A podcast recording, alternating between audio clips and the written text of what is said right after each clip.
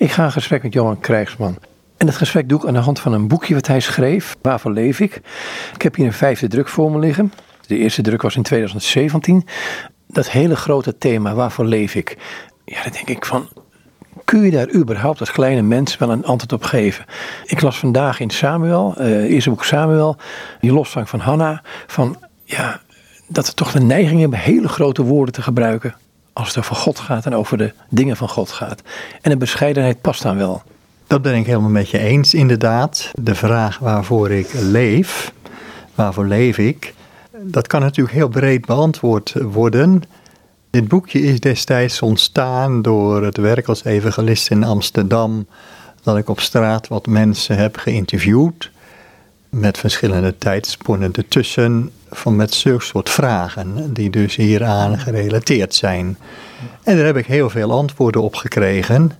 En de een die maakte daar inderdaad een heel lang verhaal van. En de ander die, ja, die kon dat kort en krachtig beantwoorden waarvoor ik leef. En die heb ik geprobeerd uit te werken uh, in dit boekje. Wat viel je het meest op in die antwoorden? Mensen soms moesten nadenken, ja, waarvoor leef ik nu eigenlijk? Dat valt dan op, want daar gaat het uiteindelijk om. Hè? Waarom zijn we op deze aarde gezet, zoals we dan wel eens tegen elkaar zeggen? Dus dat viel me als eerste op. Ja, en verder de diversiteit aan antwoorden. Dan merk je echt wel het grote verschil tussen mensen, met name tussen christenen of niet-christenen. Als je naar christenen gaat, dan valt er. Wat valt je daarbij op? Ik zal je zeggen waarom ik die vraag stel. Ehm, ik heb een maand op de Camino gewerkt in een herberg. En dan hadden we gesprekken met mensen die die Camino liepen. Dus die, die, die weg naar Santiago de Compostela. Een soort pelgrimsweg. Wat mij opviel bij de mensen daar was de gigantische verwarring die er eerste. Ja, dat kom je natuurlijk ook eh, in de antwoorden tegen, die mensen aan je geven. Maar wat je dan opvalt tussen christenen en niet-christenen, dat de christenen, een, als ik het zo mag zeggen, zonder die andere mensen af te schrijven, want daarom doe je ook je werk natuurlijk, maar dat de christenen een zinvoller antwoord gaven, wat over het algemeen gegrond is op de Bijbel. Of men dan katholiek is of protestant of alles wat je daartussen hebt. Dat is wel het verschil wat je dan merkt. Dat er dus een, een, een christen in de brede zin van het woord grond onder de voeten ja, hebt. Maar wat is die grond? Want ik merk ook in het boekje ehm, dat zelfs christenen antwoorden gaven waarvan jij dacht van nou, uh, daar zou ik wel eens wat verder over nadenken. Ja, de grond onder de voeten, dat is over het algemeen toch dat ze vertrouwen op het woord van God. Maar soms kwam je ook in de gesprekken wel tegen de, bij christenen, waarvan je dan later hoorde hè, dat het christenen waren, of in dat gesprek dat aldoende ging merken, dat dat vertrouwen soms ook ver weg is. En dat die vaste grond uh, er niet meer zo was. Maar dat is ook heel inherent aan het geloof. Daar kom je in de Bijbel ook tegen de geloofsvragen. Hè. We kunnen denken aan Psalm 73, waar Asaf ook in een vreselijke verwarring is gekomen. Als die kijkt, uh, mensen die zonder God leven, gaat het allemaal voorspoedig. En hij die dan met God leeft, ja, zijn tegenslag is er elke dag, elke ochtend weer. En dat gaat de hele psalm door. Ja, totdat je bijna aan het eind komt en dan zie je ook dat Asaf zegt, dan krijgt hij, krijgt hij, laat ik het met nadruk zeggen, weer vaste grond onder zijn voeten.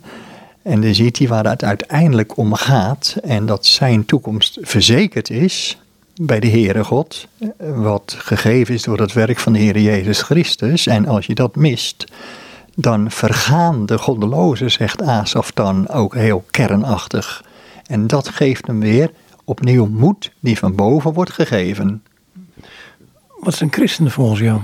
Christenen, dat zijn volgens de Bijbel mensen die hun heil en zaligheid, hun redding, hun verlossing, niet van zichzelf of van anderen verwachten, maar alleen van het verlossende werk van de Heer Jezus Christus, wat in de Bijbel beschreven wordt. Dan ga ik even mijn eigen situatie in Amsterdam. Ik ben Amsterdammer. En, en die staat ook in het boekje vermeld. Mensen die hier totaal geen weet van hebben. En die vanuit een hele andere aanvliegroute met jou in gesprek raken. Dan is er altijd de kunst die ook gegeven moet worden om dan vanuit die aanvliegroutes van die anderen om dan toch aanknopingspunten te vinden om op diezelfde route te komen. En dan als het gesprek wat langer duurt of je hebt meerdere gesprekken met mensen, om uiteindelijk dan toch de sturing te geven naar de schrift, naar de Bijbel. Dat is natuurlijk altijd mensen opzoeken in hun situatie waarin ze op dat moment verkeren, ook al staan die situaties vaak haaks op de situaties van christenen. Het boek gaat over zingeving. En mensen geven verschillende manieren hun leven zin. Het kan voor een gezin zijn, kan voor een baan zijn, kan voor van alles en nog wat zijn. Hoe kom je nou bij die diepere laag? Want ook bij de gesprekken die jij hebt gehad in het boek, wat ik daaruit merkte, is dat er mensen zijn die, um, die gaf het al aan, ehm, die wel zeggen een soort bodem onder hun voeten te hebben, maar toch lijkt het wel drijfzand af en toe. Ja, die kom je, ja, die kom je tegen. Uh, ja, helaas zou ik bijna zeggen. Uh, dat mensen om wat voor reden dan ook en wat voor kerk dan ook, laat ik dat even vooropstellen, uh, afscheid hebben genomen van de kerk. Omdat ze teleurgesteld zijn in de kerk door allerlei oorzaken. Teleurgesteld zijn in kerkmensen en ja, noem maar op, er is heel veel te noemen. Nou, als ik zulke mensen ontmoet, en die ontmoet je gewoon, dan probeer ik te begrijpen. Je probeert in de huid van die ander te kruipen, daar absoluut niet makkelijk mee om te gaan, want helaas is er heel veel mis, ook op kerkelijk gebied. Dat kom je ook bij jezelf van binnen tegen, maar dan probeer ik toch een paadje te leggen naar de God van de Bijbel, dat die nooit tegenvalt, ook al gaat het door enorme stormen van je leven heen. Ik ga weer naar die niet-christenen toe die je daar ontmoet hebt. Want je hebt op de Looier gewerkt, uh, in, in uh, Hartje Amsterdam, in de Jordaan. Um, mensen in deze maatschappij gepokt of gemazeld met het, uh, wat je dan het wetenschappelijk denken of het mechanisch denken noemt. Um, de wetenschap is objectief en dat is het. Terwijl in het christendom een enorme subjectieve nou eigenlijk de subjectieve component ligt. Oftewel, je kunt een relatie aangaan met. Um, hoe ga je daarmee om? Want dan, dan kun je alle dogma's um, noemen die met Jezus Christus te maken hebben. Um, hij is voor je zonde gestorven, et cetera. Maar landt dat wel bij deze mensen? Nee Joop, dat moeten we eerlijk in zijn, dat landt niet. Die mensen hebben inderdaad helemaal niets met het christelijk geloof of sowieso met geloof. En die zijn met heel andere dingen bezig. En nou, je, mag je verhaal vertellen. Dat is, vaak krijg je dan als antwoord, nou dat is fijn voor u, voor jou, dat u dat gelooft. Maar ik heb er echt niets mee. En dan probeer je nog wel eens wat, wat verder te praten, hè, om, om te wijzen op, de, ja, op het einde van ons leven. Maar ja, dan kom je erachter, zoals een bekende ouderwetse uitdrukking misschien wel eens is, en ook een bijbelse uitdrukking, van die mensen zijn inderdaad dood voor de dood. Met andere woorden, we zien dan wel weer dat dat interesseert ons niet. Hè? Dat is gewoon de gang van het leven. Dood is dood. Nou, zo zijn ze ook. Totaal ongevoelig om die uitdrukking uit te leggen. Echt totaal ongevoelig voor de hogere dingen. Maar we mogen als evangelisten, als christenen, mogen we dat wel doorgeven dat er meer is. Wetend dat de mens vanuit zichzelf daar echt geen aansluiting op heeft. Maar wetend ook in het vertrouwen dat de Heere God jouw woorden kan gebruiken bij die mensen. En dat is meer dan eens gebeurd. Dat mensen op wat voor wijze dan ook in aanraking kwamen met de Bijbelse boodschap. Hoe dan ook. Dat het soms heel wonderlijk kan uitwerken. Want, laten we niet vergeten, Joop en luisteraars. Diezelfde geest van God, die ook in de Bijbel, in Romeinen, dat is een Nieuw-testamentische brief, wordt die als het ware een, een, ja, een, met, met dynamiet vergeleken. Hè? Die rotsen uh, ja, in tweeën kan splijten. Zo kan hij ook gevoelens van mensen, en dat gebeurt nog steeds, in tweeën splijten, dat er wel ontvankelijkheid komt voor het woord van God. Dat, daar mag je dan een middeltje in, radertje in zijn, wetend dat dat alleen door hem komt. Ik kan praten als brugman, als evangelist, om mensen te overtuigen, maar dat gaat echt niet. Maar ik, je mag wel, en dat doe je ook van tevoren, bidden om te vragen of de Heer zelf ruimte wil maken. Nou, dat hebben we meer dan eens ook meegemaakt in Amsterdam of, of noem maar op in Nederland. Lees je dat gelukkig nog regelmatig, dat diezelfde God die zich in de Bijbel presenteert als de God van genade, als de almachtige God, dat hij ook vandaag in 2023 in deze verwarde wereld en in ons verwarde land en in veel verwarde levens absoluut wil ingrijpen. En het is prachtig als je daarin een klein schakeltje mag zijn. Ik ga weer even naar het mechanisch wereldbeeld toe.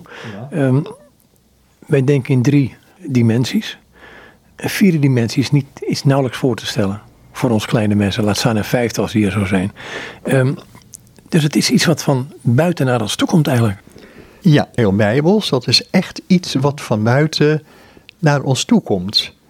Dus daar hebben we zelf geen, geen invloed in. En aan en op. Maar nogmaals, God gebruikt mensen. En dan komt het echt van buiten, komt dat in die mensen. Dat, dat noemt de Bijbel ook wel het wonder van zijn genade. Wat, wat als een bliksemschicht als het ware in die mensen toch naar binnen komt. En dat kan door een gesprekje zijn, wat ik juist aangaf, maar dat komt soms ook ja, op wijze die, die wij helemaal niet uh, berekend hebben. Maar wel zo dat ze inderdaad van buitenaf door Gods geest benaderd worden, inwendig ingenomen worden, waardoor ze komen te weten dat er meer is dan dit leven alleen. Dat het de zin van het leven juist is van tot eer van God te leven. Daarvoor zijn we geschapen tenslotte op in het paradijs. Dat het God keren, dat noem je bekering in het boekje. En dan zeg jij de, de merkwaardige zin. Ik zet de twee tegenover elkaar. Ehm, als de Heer Jezus zegt: Bekeert u, want het koninkrijk van God is nabijgekomen. Dus het wordt aan mij gevraagd om mij tot Hem te keren. Jij zegt in het boekje van: God moet je bekeren. Dan denk ik van: hoe bedoel je dat? Kijk, dat laten we helemaal staan. In Matthäus 7 lees je dat onder andere, die drieslag hè, van zoekt en gij u of jij zult vinden, klopt en u zal opengedaan worden en bidt en u zult vinden. Dat laten we helemaal staan, want dat zijn woorden van de Heer Jezus zelf en wat Hij zegt, daar kunnen we echt op vertrouwen dat dat ook echt gebeurt. Als ik werkelijk klop, mijn nood, mijn behoefte, of mijn behoefteloosheid of mijn ongeïnteresseerdheid, maar dat ik dat Hem laat weten door middel van het gebed, hè, dat het, het praten met Hem, dus dat Hem bekend maakt, Hem dat, dat eh, laat weten, dan gebeuren er wonderen. Dan zal Hij ervoor zorgen dat jij je persoonlijk inderdaad gaat bekeren. Dat er een omkering komt in je leven. Hè? Dat bekeren is in ten diepste, kan je heel veel definities over geven, maar totaal op andere gedachten komen. Nou, dat is de ene kant, dat is de verantwoordelijkheid van ons. Maar aan de andere kant kom je er ook achter als dat werkelijk dat proces in je leven plaatsvindt, zoals ik dat nu probeer kort hoor te verwoorden, dan kom je er ook achter dat God het moet doen, maar laat ik ook vooral snel erachteraan zeggen, ook wil doen. Dat je totaal afhankelijk bent, zoals de Bijbel dat noemt, van zijn genade, van zijn liefde. Nou, dat zijn twee dingen van je moet je bekeren en God bekeer je. Die twee dingen moeten wij naast elkaar laten staan. Dat zijn als het ware, je kunt het vergelijken met een spoorrails. Dan heb je twee rails en natuurlijk, dat begrijpen we, links en rechts. En die zijn met elkaar verbonden door dwarsverbindingen. Dat ligt als een muur vast. Zodra er iets mis is met de rechte rails of met die dwarsverbinding, dan ontspoort de trein. Nou, aan de ene kant kun je zeggen van, bekeert u, dat is de rechte rails. En God moet het doen, je bekeren, dat is die linkerrails, met ertussen die dwarsverbindingen. Nou, dat moeten we laten staan. Als je op zo'n spoorrails gaat staan, en dat is een, een rechte lijn, zullen we maar even zeggen, zonder bochten, dan lijkt het net dat die twee railsen in de vetten in elkaar overlopen, zodat je als het ware één rails ziet. Nu, zo is het ook met dat voorbeeld, om dat door te trekken, met aan de ene kant bekeert u en aan de andere kant van God moet, maar laten we ook vooral zeggen, willen doen. En die dwarsverbindingen moeten wij niet aan gaan prutsen. Want anders ontspoort de trein. En anders ontspoort ook onze geestelijke trein, om het nu maar zo te zeggen. Ik denk dat ik iets simpeler in elkaar zit. In die zin van, denk ik denk met bekering heb ik het denk ik vaker van... Wat je doet, je, je keert 180 graden, je richt je gezicht op God. En, um, dan, denk ik aan uh, wat in Johannes 1 staat. Um, zoveel als hem aangenomen hebben, die heeft hij macht gegeven kinderen van God te worden. Dus het, het, is een wisselwerking, maar er wordt wel iets van mij. Gewoon het richten van je gezicht. Als je met je uh, gezicht de andere kant op kijkt, kun je niet zien wat er achter je gebeurt, natuurlijk. Nee, dat is waar. Het is, het is ook een mooie tekst. Ik zal hem ook even opzoeken, uh, Joop. In Johannes uh, 1, inderdaad vers 12 en 13 lees ik er dan ook straks nog bij. Het is helemaal waar, als je de profeten ook neemt in het eerste gedeelte van de Bijbel, het Oude Testament, dan lees je eigenlijk één oproep tot die Israëlieten, tot het volk, tot het verbondsvolk van Israël, steeds weer bekeert u. En niet iets van, wacht maar, want God ga je wel bekeren. Nee, bekeert u. Dat laten we helemaal staan. Dat is ook de oproep. dat ze ook de nationale oproep moeten zijn in ons land bijvoorbeeld. Bekeert u inderdaad 80 graden omdraaien, tot andere gedachten komen. over God, over de Heere God en over jezelf en over de situatie. Bekeert u, keer u naar God toe. Loop, ren, zoek God. Dat klopt, inderdaad. Dat laten we helemaal staan, nogmaals, zoals ik dat net zei. En ook die prachtige tekst die je aanhaalt uit Johannes 1, vers 12. Maar het mooie is, ook hier in de Bijbel eh, zie je staan dat er achter vers 12 geen punt staat, maar een punt komma. Ik lees die tekst ook even voor de luisteraars en voor onszelf voor in de Statenvertaling. Maar, zegt dan Johannes, zoveel hem, dat is dus laten we het hier maar concentreren op Christus, aangenomen hebben. Hè, dat is iets wat, wat aangenomen wordt, wat, wat dus gegeven wordt. Dien heeft hij macht, volmacht, mag je ook lezen, gegeven kinderen gods te worden. Namelijk, hoe zit het dan? Nou, die in zijn naam, zijn persoon, Christus, geloven. Geloven, dat is ergens op vertrouwen, de toevlucht nemen tot betrouwen, vertrouwen. Maar er staat er, hoe zit dat dan? Dan lees ik vers 13 van Johannes 1. Welke die mensen dus niet uit de bloeden, staat de vertaling. Dus dat wil zeggen, dat is niet iets wat uit ons komt, nog uit de wil van het vlees. Dat wijst er nog sterker op. En dan gaat nog door met nog niet, hè, een oud-Nederlands woord, nog niet uit de wil van de man of vrouw, jonge meisje, maar die uit God geboren zijn. Met andere woorden, dat aannemen dat, dat gebeurt wel, maar de oorsprong van het aannemen ligt boven. En, en dat moeten we alle twee laten staan, want er staat niet voor niets in het veertiende vers, direct dus aansluitend op deze prachtige versen, in een statenvertaling weer geciteerd. En het woord, daar wordt Christus mee bedoeld, is vlees geworden, is mens geworden, helemaal een van ons en heeft onder ons gewoond. En Johannes zegt zelf, we hebben zijn heerlijkheid aanschouwd, gezien.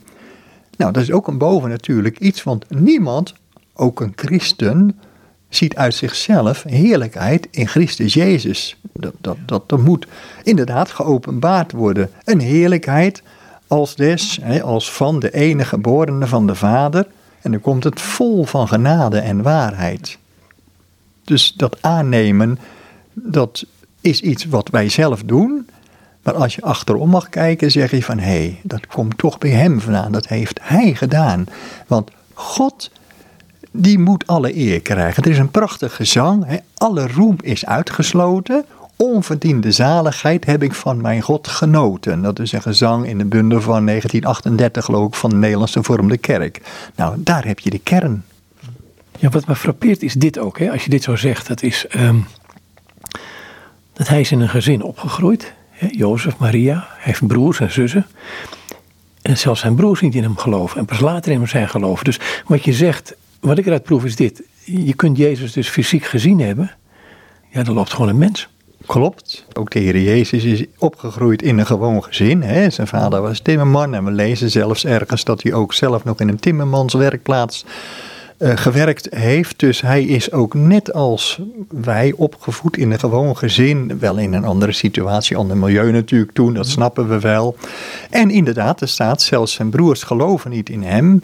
Maar het mooie is dat je dan verderop in de Bijbel uh, van Jacobus, een van de broers van de Heer Jezus, ook leest dat hij later tot geloof is gekomen. Dat hij zelfs na de opstanding, en dat zegt Paulus ook ergens, uh, de grote bekende apostel, en is van Jacobus gezien. Met andere woorden, wat, wat een ontzaglijk wonder is dat, dat die Jacobus die eerst niets met zijn broer te maken wilde hebben, dat hij zelfs door het geloof hem niet alleen fysiek mocht zien, maar ook door het geloof mocht zien. Nou, dat, dat is het wonder van Gods genade, wat dus ook in dat leven van Jacobus plaatsvond. Iets wat Jacobus niet zelf zocht, maar wat we zojuist zeiden, wat van buiten in hem kwam. En waardoor hij ook Jacobus, zijn broer, de Heer Jezus, ging aannemen met het hart natuurlijk. Hè. De Bijbel noemt dat wel, en vroeger zeiden ze dat wel meer, met de armen van het geloof. Nou, dat zie je bij Jacobus ook gebeuren. En dat is ook gebeurd. En, en ja, we leven nu zeg maar zo'n ruim 2000 jaar verder. En zulke Jacobussen, als ik dat zo mag noemen, zijn er nog steeds in en buiten de kerk. Ook dan positief bedoeld. Zulke Jacobussen heb je nog steeds die door de Heilige Geest worden aangeraakt door zijn liefde. En die hem toch gaan aannemen. En dan vol, vol zijn van de Heer Jezus, laat ik het maar in die woorden zeggen. Ik heb het gesprek onlangs gehad met uh, iemand vanuit uh, de PKN. Um, dacht ik ook uitgezonden hier. Ik zei, er komt iemand de kerk binnen, vol van de Heer Jezus. Net ontdekt wie de Heer Jezus is. En ik vroeg, wat gebeurt er dan in de kerk? En uh, deze man, ik dacht dat uh, Arjen Plezier was. Die zei, ja, daar weten we geen raad mee. Hoe, hoe gaan we daar nou mee om? Want dat, dan kom je natuurlijk op het punt van traditie en dat hele frisse, wat zo'n nieuwbekeerder vaak heeft. Ja, ja. Zulke soort dingen gebeurden met name wel eens in de evangelisatiepost. Hè? Dat is een wat laagdrempeliger kerk zou je kunnen zeggen. Althans, dat probeert te zijn, maar dat is altijd een leerproces en blijft het ook. Die dus helemaal buiten de traditie van een bepaalde kerk of kerken is of zijn opgevoed. Ja, hoe ga je daarmee om? Heel voorzichtig heel liefdevol. Oppassend dat je dat, dat tere vaasje van dat beginnende geloof, laat ik het zo maar zeggen, niet breekt, niet, niet stuk maakt. Want dan zit ik, dan kom ik aan, wat ik het heel, ja, uh, officieel mag zeggen, dan kom je aan het werk van de Heer. En daar moeten we ontzettend voor oppassen, want als ik dat zo mag zeggen, Joop, en misschien de luisteraars, die zullen enkele misschien dat ook wel herkennen. Er is een oude predikant, zeg maar in de ja, 16e eeuw leefde die. In Middelburg heeft hij gestaan. Hij, noemt, hij wordt wel genoemd in de reformatorische volksmond Vader Smijdigeld. Mhm. Die schrijft in een van zijn preken: Er zullen er later, en later bedoelt hij dan na dit leven, zullen er mensen in Gods heerlijkheid zijn, bij Jezus, bij de drie-enige God, die wij er niet verwacht hadden. En zullen er niet zijn, zegt hij dan, die wij er wel verwacht hadden. En dan eindigt hij die tegenstelling met, maar gij, om het in het oud-Nederlands te zeggen, maar u, waar zult u zijn? En dat bedoel ik ermee te zeggen, wij moeten maar niet oordelen met dat soort voorbeeld wat jij net had. Nee, laat het maar. Dat komt vanzelf al openbaar naar voren toe hoe dat bij die mensen is. Wij mogen dat trouwens ook niet doen. De Heer die zegt ook in het Oude Testament, ik meen ergens in, in Samuel, wij zien aan wat voor ogen is, maar God ziet het hart aan. De Heer ziet het hart aan. Nou, dan moeten we altijd maar heel voorzichtig mee omgaan, want dan maak ik een sprong naar Matthäus 7, dacht ik dat het staat. Oordeelt niet opdat u niet geoordeeld wordt. Ik herinner me dat, dat ik ga een zijstad in, uh, dat er evangelische gemeenten ontstaan. Uh, ik zit in een zeer reformatorisch dorp. En dan ben ik een beetje op neergekeken van, oh, dat zijn die happy clappy mensen. En ik denk, jongens, wees er nou eens gewoon blij mee. En ga niet oordelen op, op, op uh, wat jij denkt van dit kan niet of dit kan wel. Maar wees er nou gewoon eens, gewoon eens gewoon blij mee. Van, en bid misschien voor de mensen. En dat laatste vind ik een hele mooie opmerking, Joop. Inderdaad, als er meer gebed zou zijn, dan zou het er heel anders uitzien. En dat betrek ik ook op mezelf hoor, dat, dat zeg ik er direct bij. En ook in deze, je vraag en, en, en je voorbeeld die je schetst, van laten we maar voorzichtig zijn met het veroordelen van mensen. Kijk, wel is het zo, ik probeer altijd de contact te zoeken, breed, kerkelijk breed, over de kerkmuren heen. Of iemand dan evangelisch is of, of, of reformatorisch, of, of noem alle verscheidenheid maar op. Uh, ja, komt er iets naar voren toe van Gods genade, waar we het zojuist ook al over hebben gehad. Hè? Gods ook weer heel een reformatorische uitdrukking, maar ook wel een bijbelse uitdrukking. Gods eenzijdige genade. En als mensen daar iets van vertellen, ook al is het soms op een hele andere toonhoogte en letterlijk en hoe dan ook, hoe wij dat, wij en de refo's dat gewend zijn. Nee, luister maar tussen de regels door of daar inderdaad iets naar buiten komt van Gods genade die Hij ons aanprijst, aanbiedt in de Heer Jezus Christus. En dan kan het wel eens zijn dat ik, laat ik mezelf als eerste noemen, dat is niet, dat is niet netjes, maar dat doe ik als expres, en anderen wat kunnen leren van de blijdschap die die mensen uitstralen. Want met name de psalmen wordt heel vaak over de blijdschap van het geloof gesproken. laat dat maar eens schitteren. Psalm 100 is één oproep daartoe. En andere psalmen trouwens ook. En misschien wordt dat wel eens te weinig gevonden in de kerken die je zojuist noemde.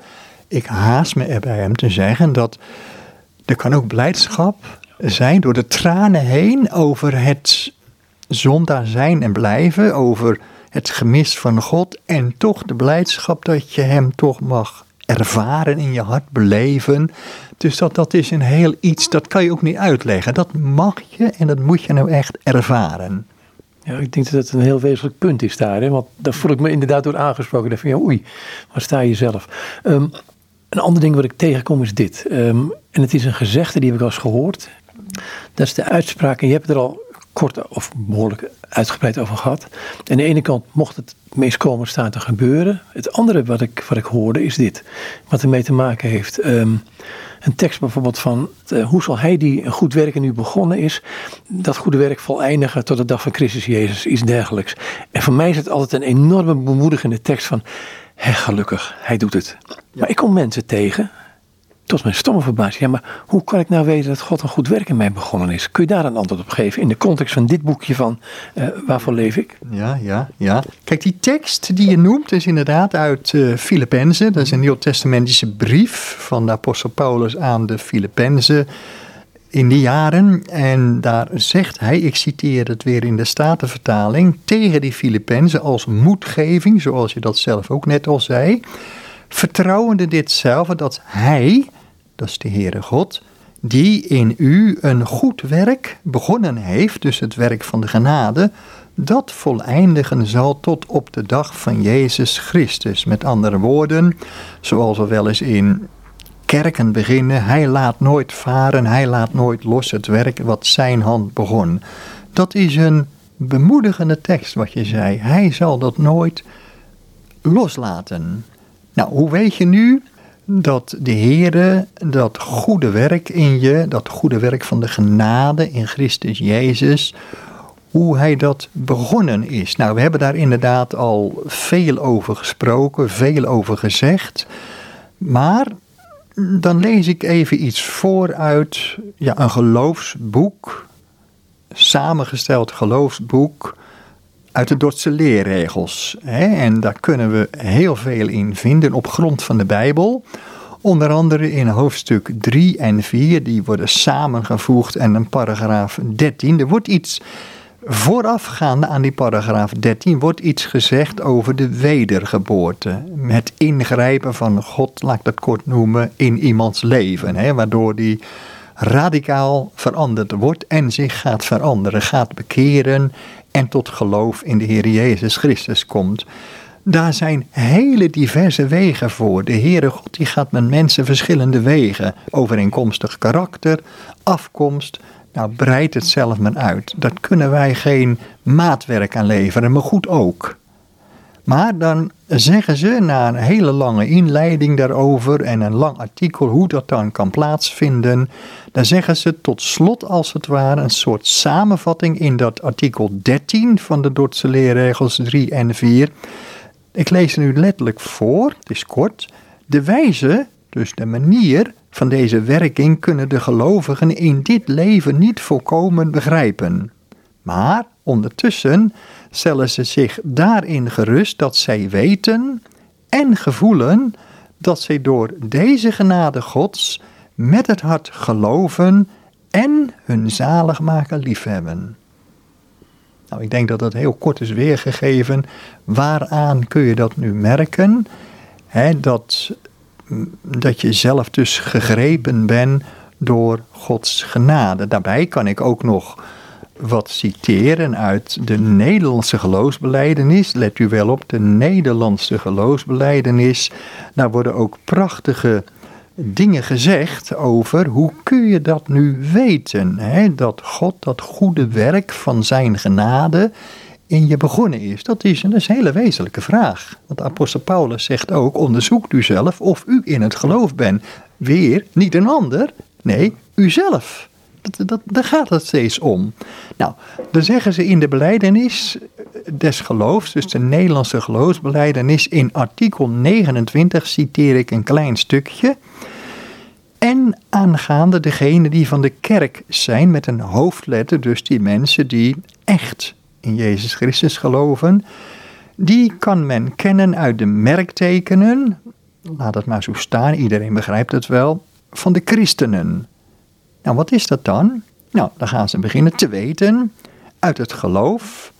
En wanneer zij, aangenomen hebbende, de enige zalige maken Jezus Christus, de zonde vlieden, dus voor de zonde vluchten, en de gerechtigheid najagen, de ware God en hun naaste lief hebben, niet afwijken, noch de rechter, noch de linkerhand, en hun vlees, dus hun boze inborst, hun eigen begeerten, vlees, kruisigen met zijn werken.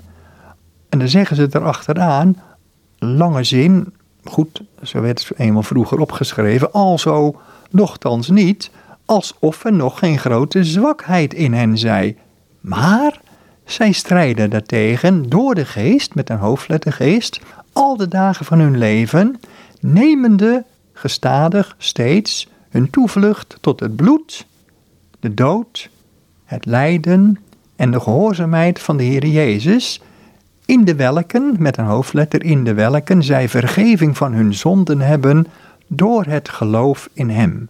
Nou, hier heb je eigenlijk allemaal van die soort piketpaaltjes, zou ik bijna zeggen, waaraan je dat kunt weten. maar dit, dit zijn toch voor een deel dingen die buiten jouzelf staan. En die kun je met het hoofd geloven. En de mensen die ik tegenkwam, ik praat over een aantal jaren geleden, die zeiden van ja, maar ik geloof dit allemaal, maar ehm, dat relationele, dat is er niet. Nou, wat hier natuurlijk gezegd wordt, wat ik ook uit Filippenzen 1 vers 6 net citeerde, naar aanleiding van je vraag en, en uit de Dordtse leerregels en nu als laatste uit de Nederlandse geloofsbeleidenis, dat zijn echt zaken, dingen die inwendig beleefd worden. Hè? Dat blijft niet rationeel in, in, in je gedachten, in je verstand, dat is wel goed hè, om, om verstandelijk iets te weten, maar vroeger zeiden ze wel eens ook weer zo'n zo'n ja, typische uh, gereformeerde uitdrukking als het ware zou ik zeggen, maar toch wel mooi. Als het alleen in je hoofd blijft, zit het de voeten hoog. Het moet in je hart komen, je innerlijk, het centrum. Hè, de harde schijf van je leven noem ik dat wel eens. Dan ga je dat ook werkelijk beleven. Dus dat het niet alleen verstandelijk is, maar dat je hele hart, je hele wezen is daarbij betrokken. Het geloof kan ook nooit zonder gevoel zijn. Er kan wel veel gevoel zijn zonder geloof, Maar het echte geloof, dat is, gaat ook altijd samen met gevoel. Dat, en, en de hoofdinhoud van dat echte geloof, dat is altijd de liefde tot God. En dan ook daaraan gekoppeld tot de naaste. Met vallen en opstaan, want we worden hier niet vermaakt. In het boekje op basis waarvan we dit gesprek doen, staat onder andere het hoofdstuk wandelen met God. Um, je noemt het al, de liefde tot, tot Christus. Um, die liefdesrelatie, hoe onderhoud je die? Hoe ga je die aan? Want um, dan kom je in een soort wederkerigheid terecht. Een relatie met en wederkerigheid. Uh, liefde, liefde, laat zich niet dwingen. Dus er, staat een, er is enorm veel ruimte wordt je gegeven tegelijkertijd. Um, kun je het eens beschrijven hoe dat wandelen met God is? Ja, dat is ook weer een vraag die, uh, ja, die, die, die heel veel. Uh, waarover heel veel gezegd kan worden. Ik ben even intussen in de Bijbel aan het uh, bladeren. Ehm, even kijken hoor. Ja, het wandelen met God. Ik dacht in het boekje dat ik onder andere dan daarin ook een voorbeeld aanhaal van, van Henoch, een oud-testamentische gelovige, waarvan staat en Henoch wandelde met God.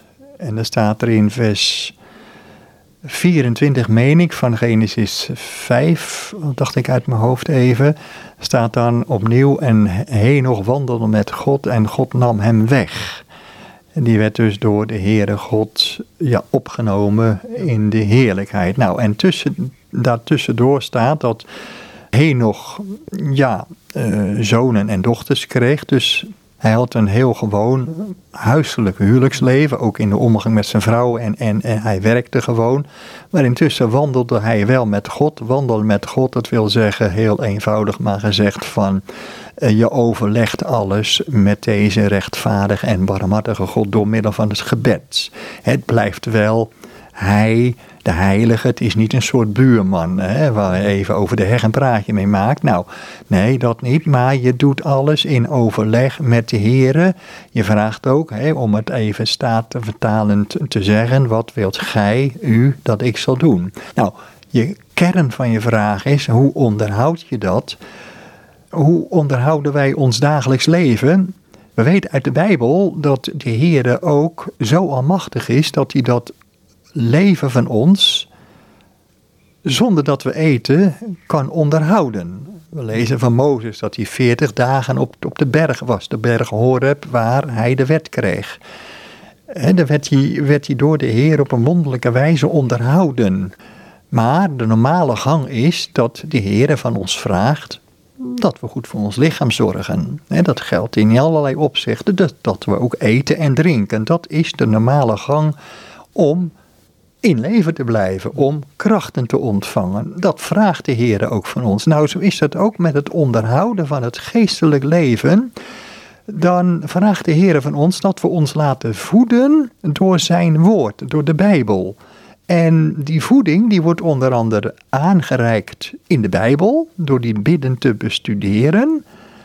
De wil de Heer het absoluut zegenen, dat is zijn belofte, maar ook om onder de prediking van zijn woord te komen, waar dat geestelijke voedsel wordt uitgedeeld. Mhm.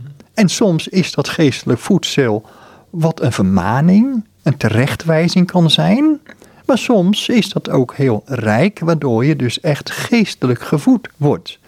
Nou, de apostel Paulus die raadt de gemeente van Efeze, een nieuwtestamentische gemeente destijds, die raadt hij bijvoorbeeld ook aan om dat geestelijk leven te ondersteunen, om dat in stand te houden, om daarvoor aan te trekken de geestelijke wapenrusting. Je kunt het lezen in Efeze 6, bijvoorbeeld de verse 10 tot en met 20. He, dan moet, wordt het allerlei dingen worden genoemd, geestelijk, overdrachtelijk gezien, maar dat houdt in dat een christen zelf moet strijden in Gods kracht tegen allerlei ja, wapentuig wat van binnen en van buiten op dat onderhouden van het geestelijk leven afkomen om dat maar te doven. Want de tegenpartijden van God, de duivel, de vorst van de duisternis, zoals die in de Bijbel wordt genoemd, die doet er alles aan om dat vuur van de Heilige Geest doven. Zodat christenen afvallen. Maar een echte christen kan niet afvallen, want wat we juist hebben gelezen, uit Filippenzen 1 vers 6, dat goede werk dat hij in die mensen is begonnen, dat zal hij voleindigen tot de dag, de wederkomst, het eind van Jezus Christus. Maar intussen wordt een christen wel opgeroepen om die geestelijke wapenrusting aan te doen. En dan valt het mij op dat er dan staat, nadat die geestelijke wapenrusting met allerlei voorbeelden wordt genoemd, dan staat er in vers 18 van Efeze 6, met alle bidding en smeking, biddende te alle tijd in de geest en tot dezelfde wakende, met alle gedurigheid en smeking voor al de heiligen. Dus met gevouwen handen en met gebogen knieën hou je, menselijk gewijs even uh, gesproken, dat geestelijke werk in stand, totaal afhankelijk van de drie enige God. Zo mag dat in stand worden gehouden. Dat is iets anders dan een moraal naleven. Dat is, dat is inderdaad waar. Nee, een, een, een, een, een christen die leeft, als het goed is, volgens het woord van God. Een, een, een leven van een christen moet altijd, zeggen ze wel eens, in de Bijbel teruggevonden worden. Ik heb bijvoorbeeld ook een tijd pastoraat aan, aan ouderen uh, verleend. Hè. Mensen van, van, van 80, 90, soms nog ouder. En wat me dan soms opviel, dat bij die mensen heel vaak op, op zo'n tafel dan, in, in zo'n bejaardenhuis, dat daar die, die oude Bijbel open lag. Die mensen leefden echt uit het woord. En daarin moet ons leven terug te vinden zijn. Niet in bepaalde ja, moraal of wat zeggen de mensen of wat is de gewoonte. Nee, uiteindelijk zal dat geen stand houden. Alleen het woord van God, zoals Luther al zong, Gods woord houdt stand in eeuwigheid. Je gebruikte eerder in het gesprek, gebruik je het woordje ehm, in een andere context dan dat ik hem nu gebruik, maar ik gebruik hem zo.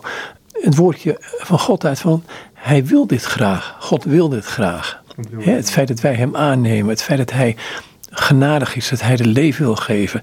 Wat is dit verlangen van God naar ons? Want dat is nogal veelomvattend als ik aan God denk.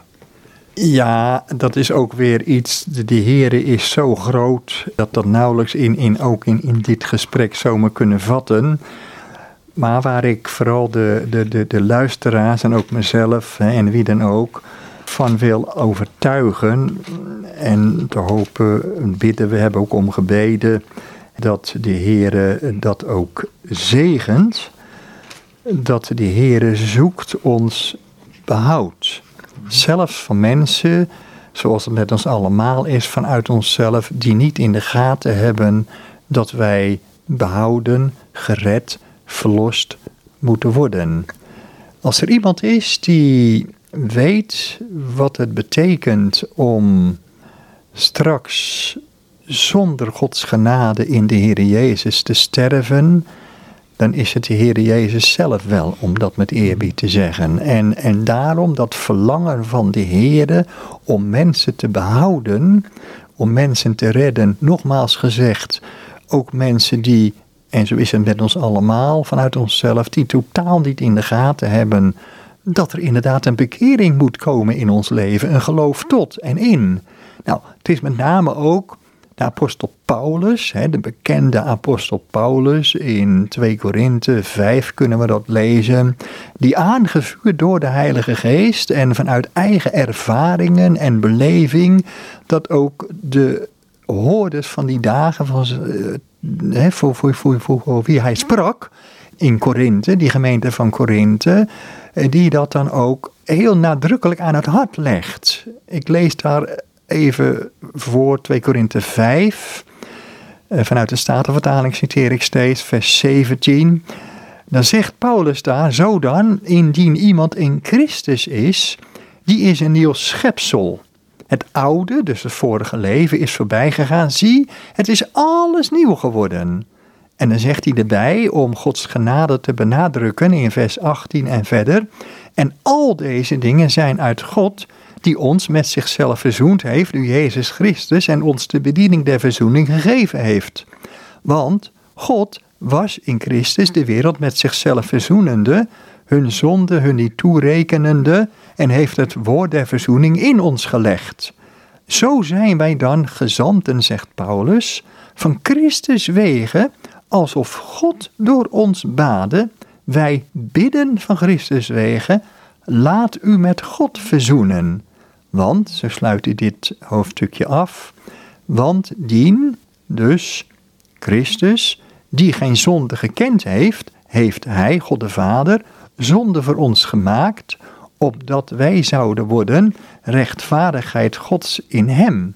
En diezelfde Heer Jezus, die spreekt in Lucas 19, ga ik even opzoeken, spreekt hij, ja, hoe kan het ook anders, bijna dezelfde woorden als die voor Jeruzalem staat, de stad waarin die straks veroordeeld zou worden en die bol stond van allerlei godsdienst, maar eh, heel veel een godsdienst die ja, niet op de juiste wijze geschoeid was. Moet je nagaan, dan staat de Heer Jezus voor Jeruzalem, voor die poorten of in die stad. En dan lees ik ook hier weer even Lucas 19, vers 41 en 42. En als hij, dat is de Heer Jezus, nabij kwam, dus nabij Jeruzalem dichterbij kwam en de stad zag, weende hij over haar, zeggende, Och, of gij ook bekende, dus onderkende of in de gaten kreeg, bekende het, ook nog in deze dag, uw dag, hetgeen tot uw vrede dient. Maar nu is het verborgen voor uw ogen. Er staat eigenlijk in de oorspronkelijke taal, in het Grieks, in het 41ste vers, als hier staat, weende hij over haar, staat er eigenlijk, hij barstte in tranen uit. Nou, dat is om iets aan te geven van het verlangen van hem dat mensen tot hem komen en hem aannemen. Het woordje wat je net ook gebruikte, dat we in hem een nieuwe schepping worden. Ehm, ik proef daar het woordje overgave in. Ehm, die twee kun je die wat, wat verder uitleggen. Ehm, want als hij een nieuwe schepping bij mij begint, dan, is het een, dan, zijn, wij, dan zijn we dus werk en uitvoering. die gehoorzaamheid. Je zit in een liefdesrelatie met een drie-ene God. Dus het is een liefdesband. Het is geen, zo hoort het, geen mores, geen, geen moraal bijna. Hoe, hoe werkt dat? Hoe, hoe, hoe gaat het in de praktijk? Want eh, als wij een nieuwe schepping zijn op het moment van wedergeboorte, dan gaat die schepping maar door natuurlijk. Ja, dat is ook weer vragen. Ja, daar kunnen we met een uur nog uh, zeker over spreken. Maar je noemt het woord wedergeboorte inderdaad een heel centraal begrip in de Bijbel. Je komt dat vooral tegen ook in het evangelie overeenkomstig de apostel Johannes. De eerste keer gebruikt hij dat in Johannes 3, eh, vers 3 tegen de bekende, ja, of minder bekend van sommige mensen misschien, maar die wedergeboorte die eh, daar in Johannes 3 wordt gebruikt, dat betekent van bovenaf geboren worden, waar we het al meer hebben over gehad in deze uitzending. Het ingrijpen van God in iemands leven. Iemand die mm, door God wordt stilgezet op zijn levensweg, om het maar even heel ja, weer uh, kerkelijk te zeggen. Hè? Dus, dus wedergeboren worden, opnieuw geboren worden, van bovenaf geboren worden. En door de, door de geest van de Heer bewerkt worden. Dat is een moment, er is geen tussenmoment. Dat is of het is dood, geestelijk dood, of levend. Met andere woorden, of niet wedergeboren, of wel wedergeboren. Nou, dat is een bepaald punt. Ik stel het dus even heel schematisch voor. Dat begint op een bepaald punt. Maar de weg van de wedergeboorte, de weg van de bekering, een synoniem daarvoor, dat duurt het hele leven. Zo'n christen, die zal er alles aan doen om alles te gaan bestrijden in zich en buiten zich, vooral in zich wat het leven met de Heer, het wandelen met de Heer, waar we het zojuist over hadden, om dat te gaan bestrijden. Dat is een proces in het leven.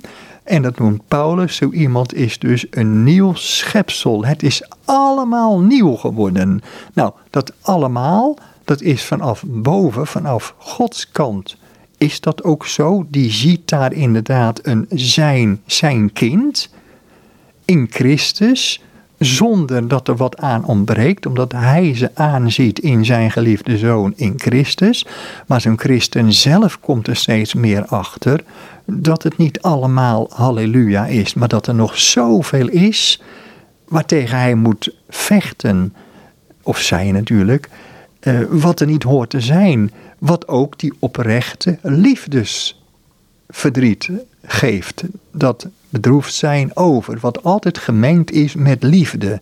Dus dat zijn geen krokodillentranen, dat zijn geen gemaakte tranen. Nee, dat zijn tranen overeenkomstig God. Dat is een droefheid uh, die een onberouwelijke bekering werkt tot zaligheid, zegt de apostel Paulus ergens in de Korinthebrief. Nou, dat is een proces. Dat noemen we wel het leven van de wedergeboorte. Dat breidt zich tot het sterven van een christen het hele leven uit. Met andere woorden, daar komt nooit een eind aan. Dat is pas aan het eind als we bij de Heer in de hemel mogen komen. Dan eindig je het boek eh, met. Um, je bent begonnen met waarvoor leef ik en daarvoor leef ik. Um, in het begin worden een aantal dingen opgezegd, hè, ja. neergezet als waarvoor mensen denken te leven. Voor een gezin, voor een werk, voor noem het maar op. Aan het eind zeggen we nee, het is in die overgave, in die liefdesrelatie met God dat je leeft. In die, die wandel. Um, maar je doet in wezen nog precies dezelfde dingen. Je hebt een baan, uh, je kinderen gaan naar de sportclub, ik noem het maar op. Um, leg het eens bij elkaar, want uh, waarvoor leef ik en daarvoor leef ik? Het een met een vraagteken, het ander met een uitroepteken. Daar heb je een heleboel over gezegd al. Ja. Alleen in het dagdagelijkse leven, daarin ligt voor mij de fascinatie vaak. Je kunt inderdaad dezelfde dingen blijven doen. Aan de andere kant moet ik ook zeggen, er zijn ook dingen die niet meer kunnen. In het leven van een christen. Dat, dat, dat uh, geeft de Bijbel ook heel duidelijk aan. Maar toch, ja, inderdaad, je haalt een paar voorbeelden aan. Als je kinderen mag hebben of wat dan ook. Wat dan gewoon doorgaat. Alleen het grote verschil is eh, dat je toch iets gaat laten zien, uh, al is met vallen en opstaan, zoals Henoch dat deed. Hè? Zoals we het even kort uit Genesis 5 al genoemd hebben. En we kunnen natuurlijk veel meer voorbeelden uit de Bijbel uh, opnoemen. Je gaat toch het oorspronkelijke doel van ons leven ga je proberen te zoeken om tot eer van de drie enige God te leven. Dat probeer ik in het laatste hoofdstuk ook weer te geven. En dat betekent niet een leven van een soort kluizenaar worden. Nee, juist niet. Want tot eer van de Heere leven betekent ook dat je werkelijk ook een oog krijgt voor je naaste. En het is hier altijd werk en uitvoering. Dat met andere woorden, er blijft nog zoveel wat anders zou moeten zijn. Maar de eer, de liefde, zoals het oorspronkelijk bedoeld is in het paradijs, dat is door die nieuwe schepping waar we het net over hadden, dat wordt toch de drijfveer. En helaas komt een christen erachter dat er vaak nog andere drijfveren zijn, maar daar gaan ze juist tegen vechten. Want we zitten er zo vaak zelf nog tussen. Terwijl het moet gaan om de ere van de drie enige God. Nou, dat is eigenlijk de intentie van dat laatste hoofdstukje. Als ik daar met een vraagteken inderdaad ook bij zet. Daarvoor leef ik. Uitroepteken. Of geen vraagteken, maar een uitroepteken. Nou, tot eer van hem en tot heil van mijn naaste. Dan kan je denken aan de Amsterdamse organisatie tot heil des volks. Dan heb ik nog maar één vraag. Dan denk ik, ja, tot eer van hem. Als je dat zo zegt, moet ik aan een andere uitspraak denken van de Heer Jezus: van eh, wie zijn leven zal verliezen, zal het vinden. Um, tot eer van hem leven. Um, ja, dat, ik zit er toch wel vaak bij, hè? van het gaat wel goed zo. Ja, maar dat is ook de worsteling, als ik het even zo mag zeggen, van een christen. Want dan kom je er wel achter, uh, ja, het gaat wel goed zo, dan word ik weer op mezelf gericht.